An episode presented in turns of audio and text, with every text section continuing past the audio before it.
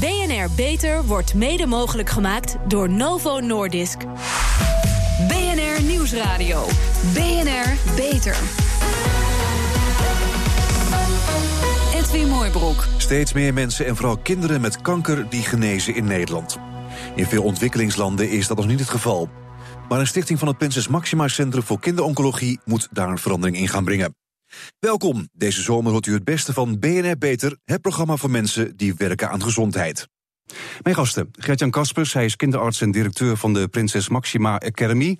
En uh, Sanne Melman, kinderverpleegkundige in het VUMC in Amsterdam. Welkom.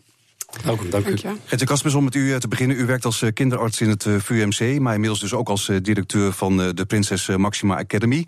Eerst maar eens even Nederland. Hoe is daar de kinderoncologie geregeld? In Nederland is die uitstekend geregeld. We hebben natuurlijk een beperkt aantal ziekenhuizen waar nu de kinderen met kanker worden behandeld.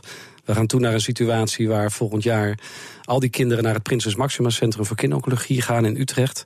Alle kinderen met kanker die gaan dan naar Utrecht toe? Ja, en een deel van de kinderen krijgt vervolgens weer een deel van de behandeling in de, in de huidige uh, ziekenhuizen waar, uh, waar de kinderen nu komen. Maar we gaan dat dus wel veranderen.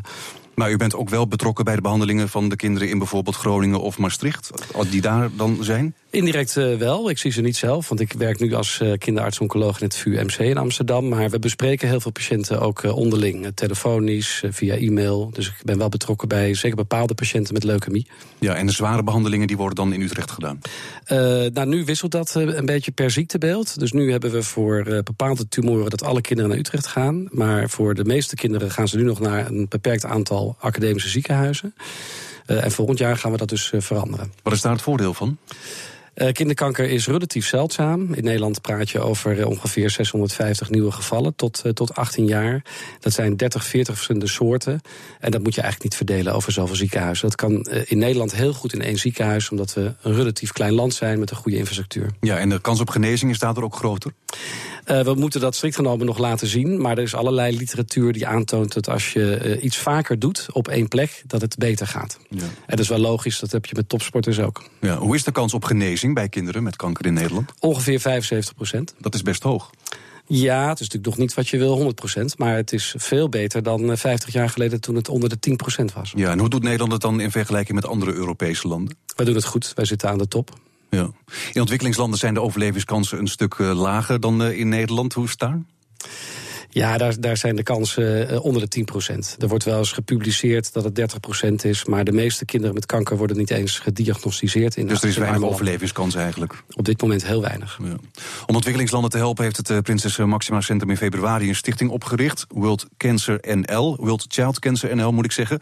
Iets dergelijks uh, liep al bij het VUMC. Wat doet die stichting? Nou, wat in het VUMC liep, en daar is uh, Sanne Melman uh, ook bij betrokken, is dat we uh, samenwerken met ziekenhuizen in arme landen. Maar we hadden nog niet een stichting om dat verder vorm te geven, uit te bouwen en ook te financieren. Want ja, alles kost geld. dus die stichting als zodanig die bestond eigenlijk nog niet. Die is echt nieuw opgericht. Ja, Sanne Melman, u bent kinderverpleegkundige ook aan het VUMC. U heeft dus inderdaad een aantal ontwikkelingslanden al, al bezocht. Waar bent u geweest? Um, ik ben als um, in opleiding tot verpleegkundige ooit in uh, Indonesië geweest. Drie maanden heb ik daar gewoond en uh, gewerkt. En de laatste jaren ben ik een aantal keer in Kenia geweest. En hoe anders is dat dan in Nederland? enorm anders. Heel basaal eigenlijk. Je begint, uh, nou in Kenia um, is onze samenwerking voornamelijk bestaat uit lesgeven aan de verpleegkundigen. Um, en daar zijn we uh, ooit heel optimistisch aan, uh, aan begonnen. De verpleegkundigen gaan eigenlijk weer naar school als jullie komen. Dat klopt, dat klopt. Um, en um, we zijn nog steeds heel optimistisch, maar we zijn wel een stapje uh, teruggegaan in de zin van dat we zijn begonnen bij, bij het uh, lesgeven over hele basale onderwerpen. Als Zoals? Hoe, nou, als hygiëne. Dus dingen als handen wassen. Hoe was je nou goed je handen? Heel belangrijk bij kinderen met kanker die een verhoogd infectierisico hebben.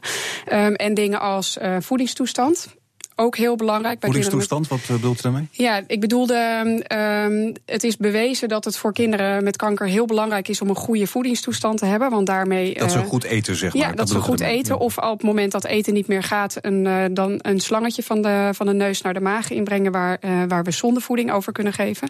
Um, en in het, toen ik voor de eerste keer in Kenia kwam, deden, we dat, deden ze dat alleen maar bij de kinderen die gingen overlijden. Um, en inmiddels zijn we zover dat eigenlijk bijna alle kinderen een zonde krijgen, net als in Nederland. Maar hoe kan het dat ze dat soort dingen nog niet doen daar?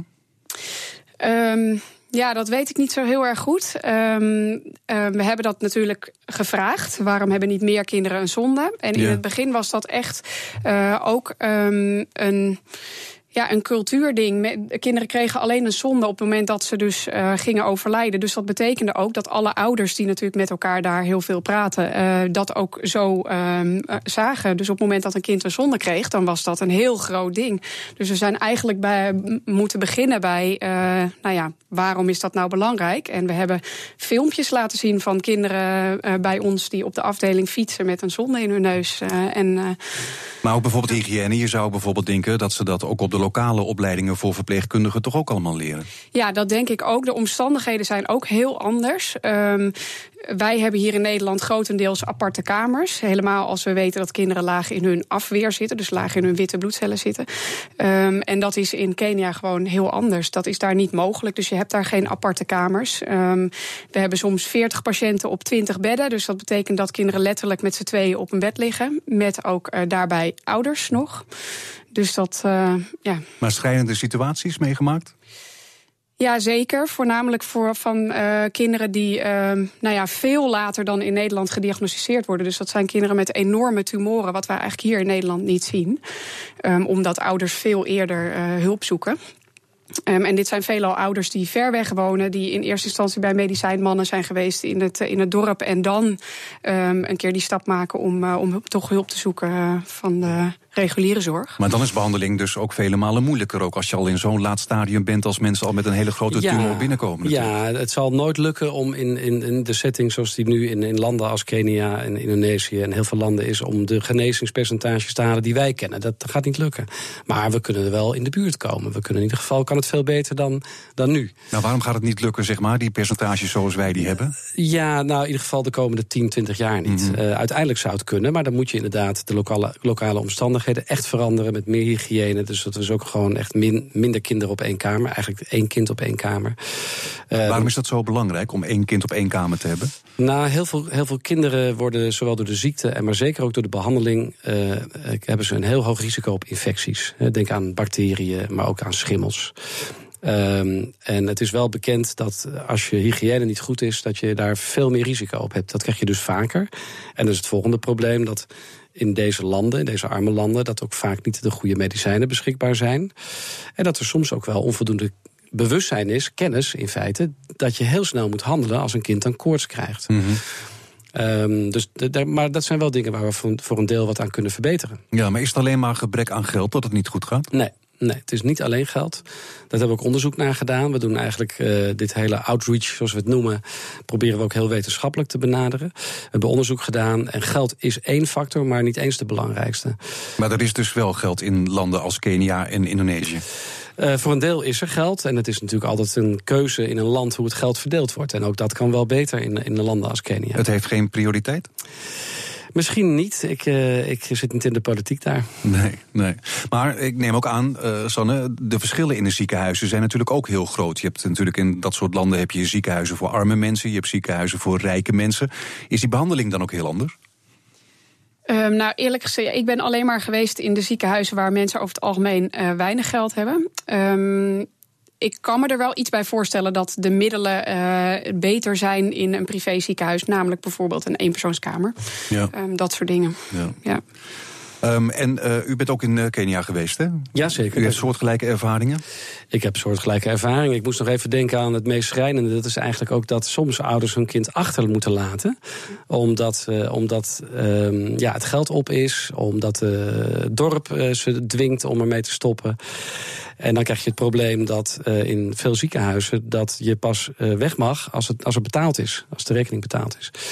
Dus dat uh, fenomeen van dat kinderen in feite gevangen worden gezet, hebben we ook over gepubliceerd.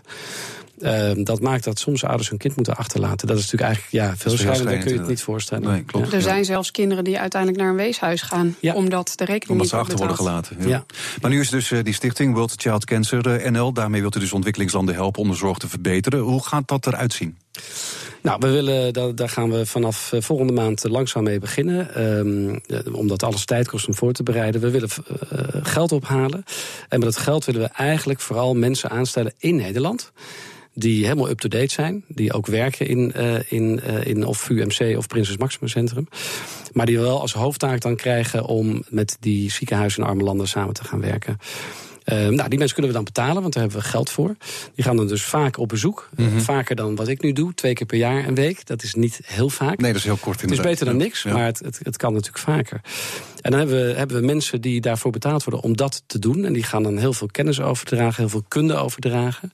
En ook heel veel onderzoek doen hoe we ter plekke het kunnen verbeteren. Ja, dus die mensen gaan kennis overdragen om de doktoren te verbeteren, de hygiëne te verbeteren, eigenlijk de hele ge gezondheidszorg daar te verbeteren. De hele keten. En ook overigens informatievoorzieningen aan ouders verbeteren. Ja, en hoe lang blijven ze daar dan? Nou, denk aan een paar maanden. Een paar maanden? Ja. Oké. Okay. Ja. En uh, daarna moet de zorg dan ook echt beter zijn? Ja, het, het is niet een eenjarig project, nooit. Dat is trouwens bij ons ook niet. Je bent continu bezig om je te verbeteren. Dus dat gaat daar ook zo zijn. Dus wij vinden dat een samenwerking met een ziekenhuis is minimaal vijf jaar. Daar begin je gewoon mee. En in de praktijk denk ik dat het een samenwerking is die, die zal blijven. Omdat je altijd van elkaar ook kunt leren. Oké. Een van de meest basale dingen die nodig zijn in de gezondheidszorg wereldwijd is uh, bloedprikken. En verslaggever Thomas Schuurman die onderging een nieuwe manier van bloedprikken in het Radboud UMC in Nijmegen. En hij sprak daar met een van de onderzoekers. Ik denk dat dit een hele mooie stap is richting um, sowieso meer zorg thuis, makkelijker bloed afnemen. En um, nou ja, wij hebben dus eigenlijk een, een schaalverkleining gedaan van eerst enkele milliliters bloed naar enkele druppels bloed. Um, en die, uh, ja, die trend zul je veel vaker gaan zien. Nou, het, we hebben ons gefocust eigenlijk op kinderen, omdat we denken dat kinderen het meest kunnen profiteren van deze methode. Omdat ze, hè, ze hoeven niet meer uh, vrij te nemen van school om naar het ziekenhuis te reizen voor die bloedafname. Um, ouders hoeven ook niet meer een halve dag op te nemen. Dus ze kunnen, en ze kunnen deze bloedafname heel makkelijk inpassen in hun dagelijkse routine. Um, zullen we eens even gaan prikken? Even, ja, gewoon even proefondervindelijk kijken hoe en wat. Je warme handen hebt. Oh, je hebt ja. hele warme handen, dat is ja. super. Ik neem je, um, als je het goed vindt, neem ik je ja, uh, ringvinger. Ja. Ja, vaak is het dus een beetje ongemakkelijk. Hè. Dan zit je tegenover iemand en dan uh, ja. zie je toch die naald. En uh, de, ja, de mannen zijn toch kleinzerig, zeggen ze altijd. Hè. Dus uh, hè? nou, eens kijken of dit ook nu het geval is. Het mooie aan deze methode is dat patiënten het zelf thuis kunnen gaan doen. Dat is okay. Ik zet, de, na, of ik zet het, het device op je vinger. Ik tel tot drie. En bij drie prik ik hem. Oh jee, spannend hoor. Eén, twee, drie. Nou, inderdaad. Het geeft eigenlijk hetzelfde gevoel als, uh, als de naald, zou ik zeggen. Dan, um, Dan is het eerste druppeltje bloed. Voldoende bloed. Prachtig. En hoe lang kun je hier nu nog wat mee?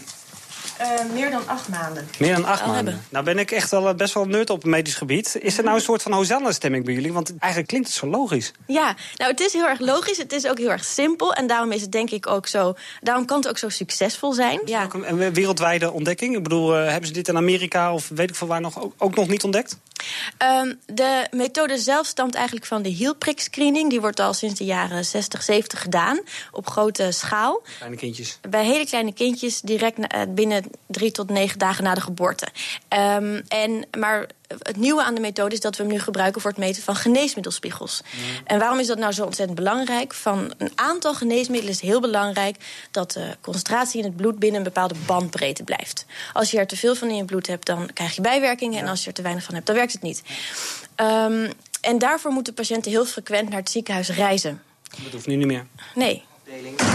Je kunt je voorstellen. We hebben dus een uh, witte jas aangedaan. Zijn we het laboratorium ingegaan. En als ik het even heel simpel moet samenvatten... is er dus een soort robot die de goede sample eruit haalt...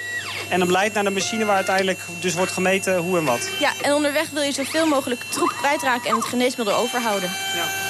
En dit is ja, uh, een van de eerste machines. Uh, ik neem aan dat in de toekomst het nog iets compacter eruit gaat zien? Zeker, deze machine die is zo'n anderhalve meter lang. En uh, je hebt nu al machines die zijn maar uh, 40 centimeter lang. Dus het wordt steeds kleiner en uh, ja, steeds beter. Dat was een bijdrage van BNR-verslaggever Thomas Schuurman. Werken in de kankerzorg met minimale middelen in de Sub-Sahara, Kenia of Indonesië. Mooie ambities van het Prinses Maxima Centrum voor Kinderoncologie. Maar hoe wordt het gefinancierd? Zometeen na de reclame. BNR Nieuwsradio. Beter. Kankerpatiënten helpen in ontwikkelingslanden. Het Prinses Maxima Centrum heeft daarvoor een speciale stichting opgericht. Ik ga er verder praten, over praten met mijn eh, gast Gert-Jan Kaspers... kinderarts en directeur van de Prinses Maxima Centrum Academy... en Sanne Melman, kinderverpleegkundige in het VU-MC in Amsterdam. Ja, meneer Kaspers, komen in ontwikkelingslanden nu dezelfde soorten kanker voor als in Nederland? In essentie wel. Als je heel goed in kaart brengt uh, wat, ze, wat ze krijgen, dan zie je alle soorten kinderkanker daar die wij hier ook zien probleem is dat sommige gevallen niet goed uh, onderkend worden. We zien op, lijkt het, wat minder kinderen met een hersentumor in bijvoorbeeld Kenia. Maar we, we weten op grond van andere cijfers dat dat komt omdat die kinderen niet herkend worden. Er is geen MRI daar. En heel vaak wordt er gedacht dat ze een hersenvliesontsteking hebben. Ze overlijden en er wordt nooit een obductie gedaan. Ja, maar komt er meer kanker voor of minder? Of, nee, hetzelfde. hetzelfde. Nee, er is ook heel weinig uh, uh, bewijs dat uh, hoe je leeft en hoe je woont, waar je woont, dat het invloed heeft op het krijgen van kinderkanker. Ja. Bij volwassenen is dat iets anders. Oké, en de behandeling daarvan, is die ook hetzelfde als in Nederland? In essentie is de behandeling hetzelfde. Alleen wij zijn natuurlijk een, een rijk land. Mm -hmm waar in essentie alles kan wat, uh, wat uh, bewezen effectief is. En dat is in arme landen totaal anders. In, uh, in het ziekenhuis waar wij veel mee samenwerken, in Eldoret in Kenia, is op dit moment nog steeds geen bestralingsapparaat. Uh, een BMF. De kinderen krijgen alleen maar medicijnen dan? Die krijgen alleen medicijnen. Gelukkig kun je wel de meeste vormen van kinderkanker genezen met alleen medicijnen. En soms met een operatie. En bepaalde operaties kunnen we daar prima doen. Ja. U uh, wilt die landen nu gaan helpen. Zitten die landen daar ook eigenlijk op te wachten? Of denken ze van, daar is weer zo'n Nederlander die denkt dat hij het beter weet? Nou, we, we gaan alleen samenwerken met ziekenhuizen die dat ook graag willen. Die daar open voor staan. Anders werkt het ook niet. Het is echt een samenwerking op basis van gelijkwaardigheid. En dan zie je dat er heel veel landen zijn die graag uh, willen samenwerken. Die ja, ze melden zichzelf aan? Ja, ze melden zichzelf aan. Ik, uh, ik zit ook een internationale commissie voor die daar juist voor is bedoeld. En, en er komen e-mails en bij congressen komen mensen aan uh, en met de vraag uh, kunnen we samenwerken. Maar het is natuurlijk maar een beperkt aantal ziekenhuizen waar u mee kunt samenwerken. Ja, daar zit echt een grens aan, aan wat je als ziekenhuis kunt doen. We hebben de ambitie als, als straks relatief groot ziekenhuis. Hè, want het Prinses Maximus Centrum wordt de grootste kinderkankercentrum in Europa en een van de grootste in de wereld de ambitie om tot tien programma's te hebben. Maar dat is echt al heel ambitieus. Samenwerken met tien ziekenhuizen? Ja, sorry, samenwerken met tien ziekenhuizen. En wat ik persoonlijk vind is dat elk uh, ziekenhuis in een rijk land... moet minstens één zo'n samenwerking hebben. Ja. Dus ga ik me voor uh, inzetten. Maar hoe kiezen de ziekenhuizen uit dan? Nou, je kijkt naar arme landen. Je, ik denk dat je moet kijken naar taal. Het is natuurlijk heel belangrijk om te communiceren. En wij spreken goed Engels, maar lang niet allemaal zo goed Frans als understatement. Um, en je hebt natuurlijk weer landen, uh, Frankrijk, die kan prima natuurlijk met, met, uh, met landen samenwerken waar Frans wordt gesproken. Ja. En cultuur wij, ook wel. Oké, Kunnen wij in Nederland ook iets hebben aan die hulp? Ja, het is echt een win-win situatie.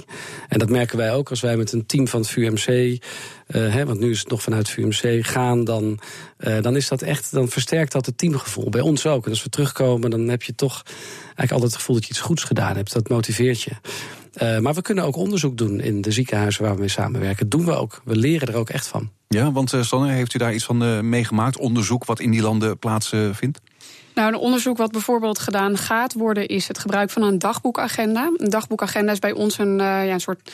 Nou ja, je kan het je voorstellen als echt een boekje waarin bijvoorbeeld um, adviezen met betrekking tot uh, uh, voeding zitten, maar ook het behandelschema, alle uitleg daarover, um, de uitslagen van laboratoriumonderzoek. Um, en dat is iets wat de bedoeling is dat dat in Kenia onderzocht gaat worden. Mm -hmm. Of mhm. dat ook nou ja, de compliance tot behandeling verbetert. Ja. ja. En, en voor de wetenschap, want je hebt natuurlijk zometeen een veel grotere groep kinderen met een bepaalde soort kanker die dan onder behandeling staat. Kan het voor de wetenschap ook nog iets opleveren? Ja, absoluut. Uh, we kunnen bijvoorbeeld, en dat gaat uiteraard met, uh, met uh, goede procedures en met toestemming van ouders en patiënt, maar we kunnen bijvoorbeeld materiaal van zeldzame soorten kinderkanker kunnen we bewaren, ook in Kenia, dat kan. En dat kunnen we meenemen naar onze laboratoria hier en onderzoeken.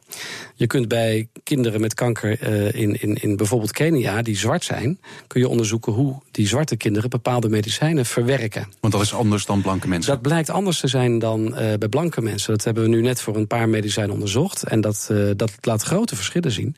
En wij hebben natuurlijk ook hier in Nederland af en toe zwarte kinderen die kanker krijgen. Nou, dan moet je die kennis gebruiken. Dat is heel goed voor die kinderen dan. Ja, en kan het eventueel ook nog leiden tot de ontwikkeling van meer medicijnen? Want de afgelopen jaren zijn er niet zoveel nieuwe medicijnen op dat gebied ontwikkeld. Zou dat ook nog daarbij kunnen helpen? Dat, nou, kijk, in het algemeen, als je meer materiaal hebt van, van kinderkankersoorten om onderzoek op te doen, heb je meer kans om medicijnen te vinden. Dus, dus ja, op zich uiteindelijk wel. Ja. U stuurt dus artsen en verpleegkundigen de hele wereld rond, die daar dan een paar maanden blijven. Wie betaalt het allemaal? Nou, als dat zal een relatief beperkt aantal mensen zijn die echt zoveel dan op, uh, nou ja, op, op weg is. Uh, en dan moeten de gelden komen van die stichting World Child Cancer NL. Ja, en dat zijn dan bedrijven? Uh, die dat gaan, daaraan gaan bijdragen. Nou, ik hoop zeker aan bedrijven en ik hoop ook aan particulieren en aan stichtingen en aan serviceclubs. En ja, heel veel soorten mensen geven geld gelukkig aan goede doelen. Maar het zijn geen farmaceutische bedrijven bijvoorbeeld die nog denken dat ze er iets ook nog aan iets kunnen hebben? Um, nou, sluit ik niet uit. En uh, als wij een win-win situatie zien, vind ik dat op zich ook niet erg als een farmaceutisch bedrijf een win-win situatie uh, ziet. Nee. Is de hulp tijdelijk of uh, gaat u er nog mee door? Ja, je hoopt misschien dat ooit dat we het probleem hebben opgelost en dat uh, de landen het helemaal zelfstandig kunnen. Maar dat gaat nog tientallen jaren duren. Dat gaat het hier in Nederland al duren. Hè. We hebben met het Prismaximum Centrum een belangrijke stap gezet, denken we, om van die 75 naar 95 procent te gaan. Maar dat kost ook heel veel tijd en energie. En dat zal in arme landen nog veel meer tijd en nog veel meer energie gaan kosten. Ja, want Sanne, u had ook contact met alle verpleegkundigen die u heeft ontmoet in Kenia. Dat klopt, ja. We hebben even gedaan om een beste manier te, te vinden.